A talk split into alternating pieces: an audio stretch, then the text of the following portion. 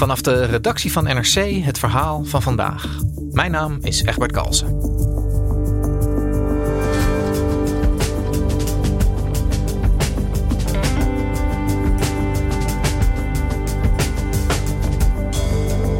De Amerikaanse politiek debatteert weer over mogelijke inperking van het wapenbezit.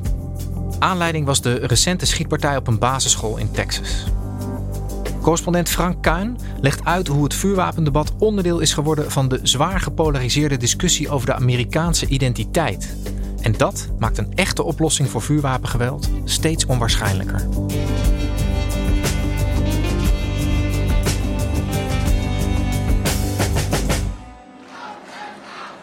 Dit weekend hebben tienduizenden mensen in de Verenigde Staten gedemonstreerd tegen vuurwapengeweld in het land.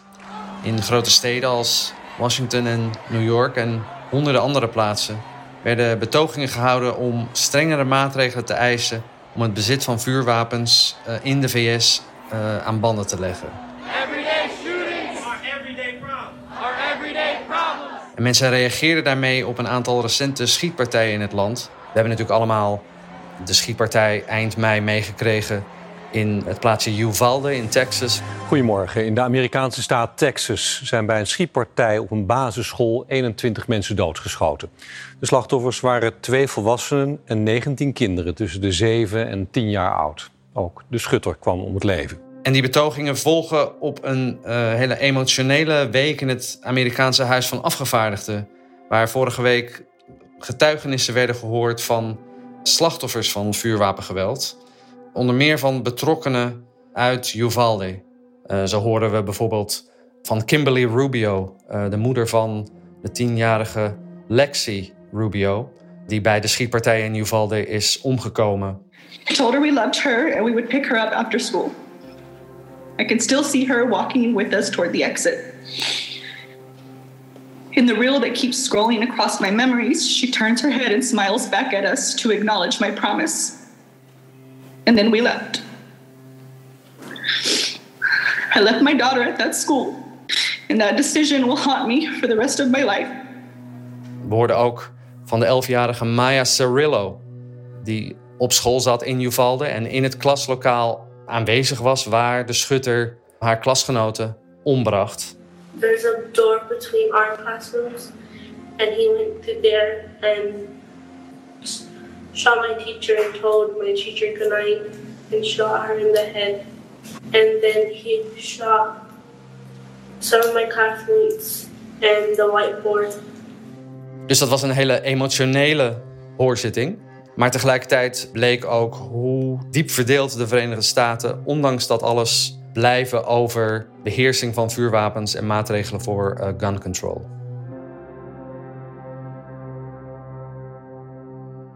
Frank, jij bent uh, onze correspondent in Canada, maar jij bent uh, vlak na die schietpartij in Uvalde ook afgereisd naar de VS, naar Texas, naar dat plaatsje toe, om de nasleep daarvan uh, in kaart te brengen. Hey, en het bizarre toeval wilde dat het een, een, week volgens mij na die aanslagen in Uvalde, in dezelfde staat, in Texas, het jaarlijkse congres was van de Amerikaanse wapenlobby, de NRA. En da daar ben je ook naartoe geweest voor, voor de krant. Merkte je iets zeg maar, van die recente aanslag bij dat congres? Zeker. Dus de NRA, de National Rifle Association, hield nog maar drie dagen na die schietpartij in Uvalde, een vier uur rijden verderop, uh, zijn uh, jaarconventie. En daar merkte je echt de verdeeldheid over vuurwapens in de Verenigde Staten. Want dat bracht ja, duizenden demonstranten op de been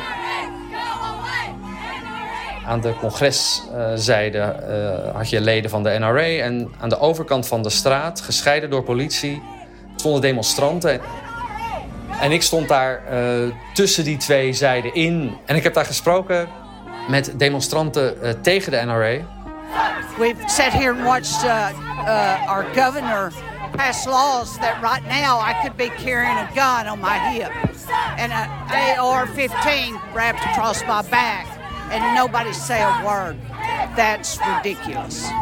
I'm here today to say we are the people and we want this to end. Unfortunately, this only happens in the United States of America, and we have to ask ourselves why. En ook met leden van de NRA die uh, bij het congres waren. There's, there's other things that need to be looked into and evaluated. But taking our guns away is not the way. That's my freedom. My, that's what our country was founded on is, mm-hmm. you know, our constitutional rights. And I will fight for that till right, my right. death. En daarbij merkte je dat hun perspectieven op vuurwapens in de VS stonden haaks op elkaar. En je merkte gewoon dat er eigenlijk geen basis was voor een redelijk gesprek in het midden. En zelfs zo'n recente eh, schietpartij eh, op een paar honderd kilometer daar vandaan verandert daar dan niets aan, hè, daar voor de deur. Die school shootings, hè, je zei het zelf al, dat is niet de eerste keer natuurlijk dat dit gebeurt. Hoe, groot is dit probleem in Amerika eigenlijk? Ja, ehm, de schietpartij op een school waarbij 19 kinderen zijn omgebracht is natuurlijk een grote schok uh, binnen de Verenigde Staten en daarbuiten.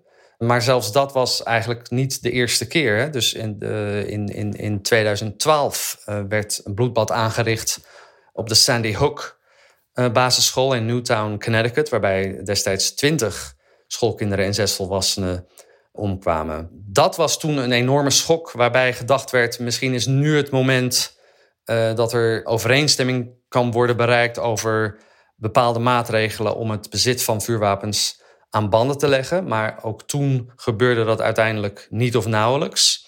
En dus ja, sindsdien is het eigenlijk een telkens terugkerend ritueel. Uh, waarbij er weer een uh, schietpartij plaatsvindt, het debat weer opleidt. En dan na verloop van tijd, dan appt dat debat weer weg. Uh, komen er andere dingen weer in de, in de actualiteit. En zo gaat het eigenlijk jaar in jaar uit tot de volgende grote schietpartij. En de Verenigde Staten zijn daar relatief uniek in. Dus sinds de schietpartij bij de Sandy Hook basisschool zijn er um, ongeveer 900 schietpartijen geweest op scholen in de Verenigde Staten. Dus doden door schietpartijen hoort bij het Amerikaanse bestaan. In het jaar 2020 zijn meer dan 45.000 Amerikanen omgekomen door vuurwapengeweld. Zowel bij moorden als zelfmoorden. En dat is een um, toename van 25% ten opzichte van uh, eh, 2015. En inmiddels is uh, vuurwapengeweld de belangrijkste doodsoorzaak voor jongeren tot 24 jaar. Inmiddels komen bij vuurwapengeweld meer mensen in die leeftijdsgroep om dan bij bijvoorbeeld uh, verkeersongevallen. Jemig, dat zijn, uh, dat zijn schokkende cijfers. Uh, zeker vanuit hier bezien. Zoveel vuurwapengeweld en schoolshootings. Dat, dat, dat recht om wapens te mogen dragen in Amerika. Hè? Dat is echt diep geworteld in de Amerikaanse samenleving, toch? Ja, dat klopt. Het recht op vuurwapenbezit is verankerd in de Amerikaanse grondwet, in het Tweede Amendement. En ja, leden van de NRA en veel Amerikanen uh, hechten daar bijzonder aan. Uh, zij zien dat uh, als een uniek Amerikaans recht om jezelf te kunnen verdedigen. Tegen wat voor gevaren dan ook. Uh, en ook tegen ja, een autoritaire regering. Volgens voorstanders van dat Tweede Amendement ja, is het recht op vuurwapenbezit onlosmakelijk verbonden met hun vrijheid als Amerikanen. En weet jij waar dat vandaan komt? Wat, wat de oorsprong is zeg maar, van dat gevoel dat je je zo moet kunnen verdedigen, ook tegen je eigen overheid desnoods?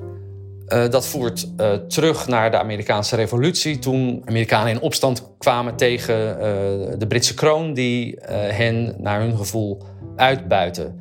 En voor voorstanders van vuurwapenbezit is dat nog steeds een heel actueel gegeven. Zij zeggen ook de huidige regering heeft wat hun betreft autoritaire trekken en zij moeten het recht hebben om zich daar als, uh, als burgers tegen te verweren. Ja, dus het zit echt al, uh, al, al, honderden jaren in de, in de Amerikaanse volksaard, zou je kunnen zeggen. En we hebben het al veel over ze gehad. De NRA is volgens mij een van de organisaties die echt een, een sleutelrol speelt. En in ieder geval heeft gespeeld bij het verdedigen van dat Second Amendment. Hè? Kan jij eens uitleggen, wat is die NRA, die National Rifle Association, wat is dat voor club? De NRA bestaat ruim 150 jaar. Uh, is begonnen als een club van schiethobbyisten. Uh, en was voor de eerste 100 jaar van zijn bestaan eigenlijk niet echt politiek actief. tot die tijd waren ze een relatief constructieve gesprekspartner voor de federale overheid. steunden ze soms zelfs bepaalde beperkingen op vuurwapenbezit.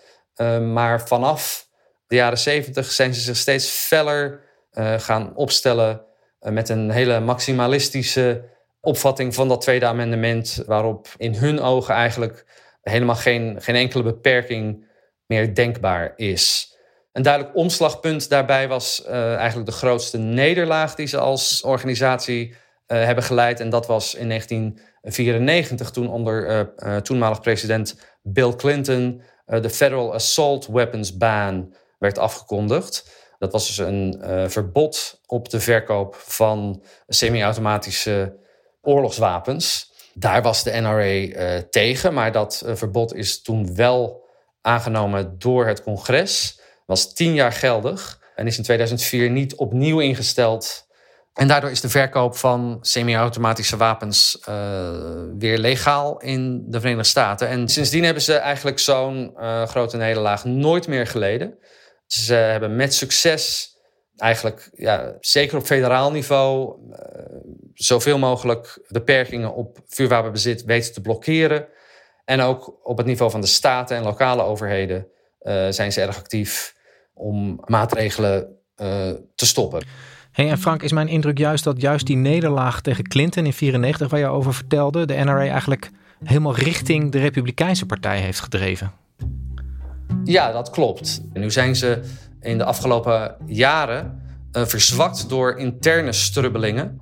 Er zijn wat financiële problemen, uh, juridische ruzies met hun uh, publiciteitsbureau. Dat, die hebben miljoenen dollars aan juridische kosten opgeleverd. En daardoor is de NRA op dit moment niet de speler die het zeg maar, de, de afgelopen paar decennia is geweest. Maar wat je na aanleiding van die recente schietpartijen in onder meer Uvalde merkt, is dat dat bijna niet meer uitmaakt. Want de standpunten van de NRA zijn eigenlijk geheel overgenomen door de hedendaagse Republikeinse Partij. En dat is uh, eigenlijk de, de, de lijn die oud-president Trump ook verwoordde op het congres van de NRA. As the age-old saying goes, the only way to stop a bad guy with a gun is a good guy with a gun. Have you ever heard that? No, you've never heard that.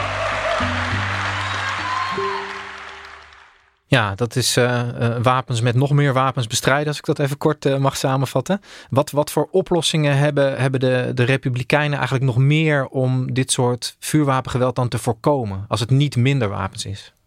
Ja, de Republikeinen pleiten over het algemeen juist voor meer wapens om het probleem aan te pakken.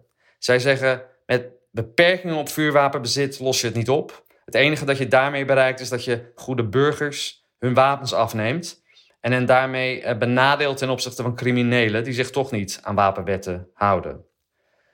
Um, zij zoeken de oplossingen uh, daarom uh, veel meer op het vlak van verdediging. Dus zij zeggen: um, je moet scholen verharden, zoals ze dat zeggen, hardening of schools. Je moet scholen beter beveiligen, zorgen dat er maar één uh, toegangsdeur is. Hè, want de schutter in Uvalde die kwam door een achterdeur naar binnen. Dat zou niet moeten kunnen, um, zeggen zij. What we need now is a top-to-bottom security overhaul at schools all across our country. Every building should have a single point of entry. There should be strong exterior fencing metal detectors, and the use of new technology to make sure that no unauthorized individual can ever enter the school with a weapon. En zij zeggen het ligt niet aan de vuurwapens, maar het ligt aan de mentale gesteldheid van de schutters.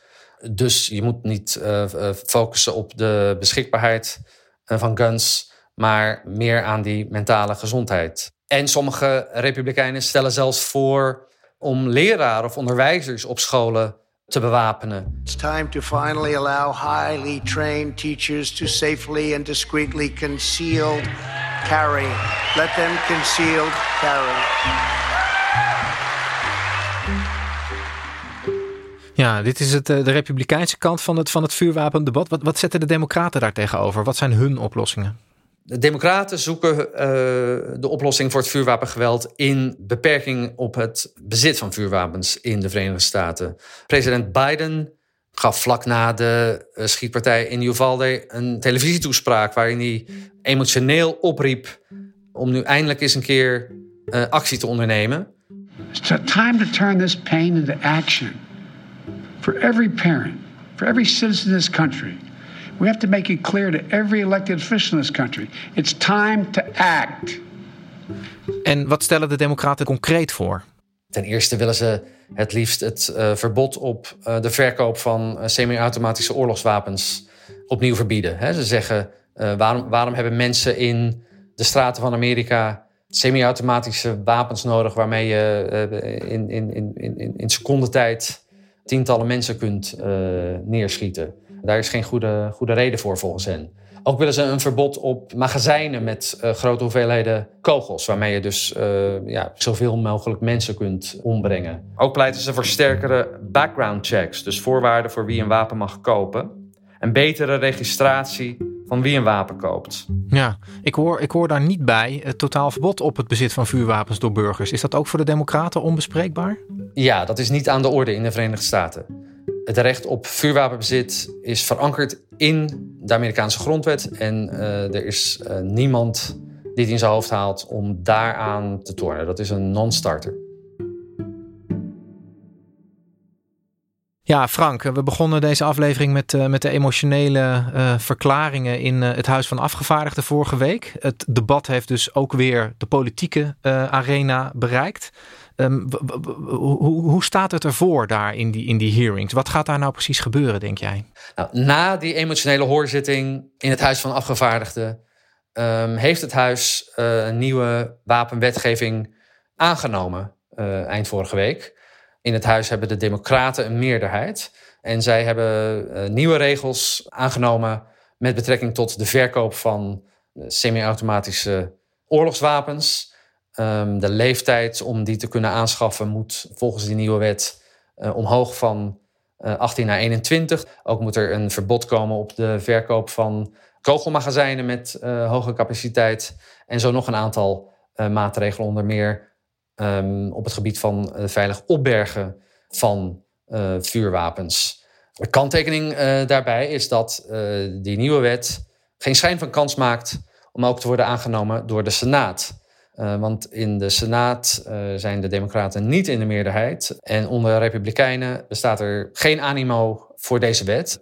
En je moet je daarbij realiseren dat ja, voor de Republikeinen is hun positie op het gebied van vuurwapens is een soort lakmoesproef voor hun conservatieve credentials. Het is, de, discussie over vuurwapens is een soort ja, redelijk stadium voorbij en is helemaal verzand in een identiteitsstrijd die sterk is verweven met de Amerikaanse identiteit. Voor Republikeinen en leden van de NRA is vuurwapenbezit een fundamenteel Amerikaans recht waar uh, gewoon niet aan te tornen valt. Ja, dus ook dit is weer een voorbeeld van de steeds diepere kloof, zou je kunnen zeggen, tegen, uh, tussen, tussen de Democraten en de Republikeinen. Het ene en het andere Amerika, wat jij zegt. Zeker. Het is een uh, zeer gepolariseerde discussie, waarbij het bijna onmogelijk is eigenlijk om ruimte te vinden voor een, voor een compromis. Maar door het gruwelijke karakter van het bloedbad op de basisschool in Uvalde en de demonstraties die daarna zijn gehouden, zijn Republikeinse senatoren toch onder immense druk komen te staan om op zijn minst iets te doen. En besprekingen tussen Democraten en Republikeinen in de Senaat hebben gisteren tot een akkoord geleid over enkele bescheiden stappen. Uh, zo moet er meer geld komen voor de behandeling van geestesziekten en de beveiliging van scholen. Er moet de staat worden aangemoedigd om uh, red flag uh, wetten aan te nemen. Waarbij vuurwapens uh, kunnen worden afgenomen van mensen die als uh, gevaarlijk worden beschouwd. En ook moeten er strengere background checks komen voor jongeren van 18 tot 21 die een vuurwapen willen aanschaffen. Die voorstellen gaan veel minder ver dan de wet die het Huis van Afgevaardigden vorige week aannam. Maar als ze inderdaad door de Senaat komen, vormen uh, deze kleine stappen toch de eerste beperking op vuurwapenbezit in een paar decennia in de VS. En er was dus een uh, bloedbad op een basisschool voor nodig om tot uh, hele bescheiden vooruitgang te komen. Dankjewel voor je verhaal, Frank. Graag gedaan. Je luisterde naar vandaag, een podcast van NRC. Eén verhaal, elke dag. Deze aflevering werd gemaakt door Ruben Pest en Marco Raaphorst.